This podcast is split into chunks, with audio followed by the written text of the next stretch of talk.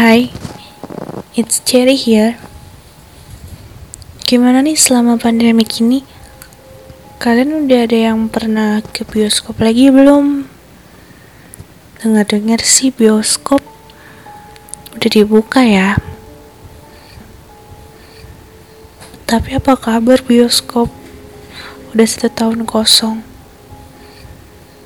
Cherry sih kangen banget dengan suara bioskop all around you. Kayak terngiang-ngiang gitu setiap kali Cherry mau nonton. Kali ini Cherry mau ceritain pengalaman horor yang pernah Cherry alamin di salah satu bioskop sewaktu mau nonton film. Ini kondisinya sebelum pandemik ya. Oh iya Buat kalian yang punya pengalaman horor, bisa banget nih share ke Cherry lewat DM ke Iki Cherry. Jadi, gini ceritanya.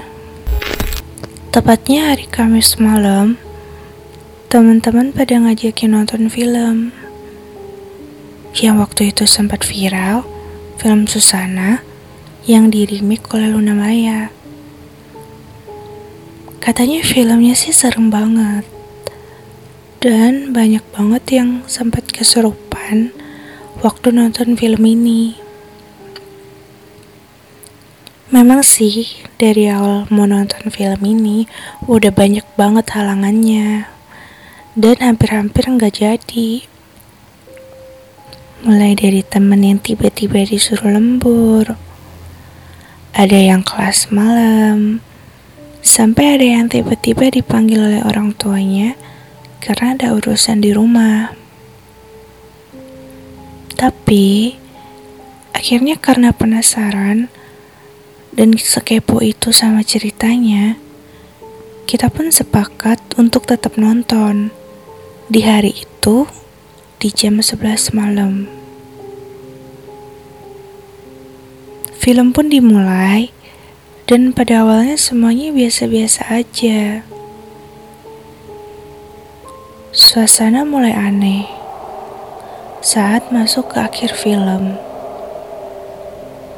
Dan tiba-tiba terdengar lirihan suara tangis dari teman di sebelahku. Awalnya kita positif thinking aja, karena filmnya itu rada sedih di endingnya. Gak lama kemudian, filmnya berakhir dan orang-orang udah mulai keluar dari bioskop. Seperti biasa, kita gak mau desak-desakan untuk keluar, makanya kita nungguin orang-orang untuk keluar dulu. Dan kita baru keluar saat bioskop itu sepi. Saat keadaan mulai sepi, dan didukung oleh backsound dari lagu Susana yang serem. Tiba-tiba, bener aja, temenku yang tadi nangis, tiba-tiba ketawa dong. Dari sini kita semua udah mulai panik, karena kita tuh berenam datangnya, dan cewek semua. Dengan segala keberanian, Akhirnya kita berusaha untuk nyadarin teman kita. Kita manggil-manggil dia, mijit-mijit, dan tentu saja kita olesin minyak kayu putih dengan harapan dia bisa sadar.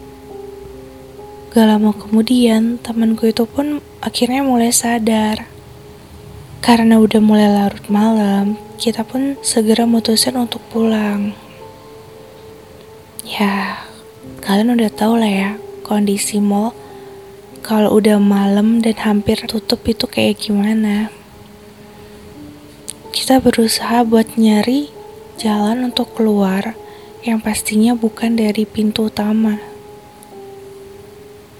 Nah, pas kita keluar dari teater, saat kita mau jalan untuk pulang, kita baru mulai sadar bahwa kita yang awalnya berenam, sekarang berdelapan.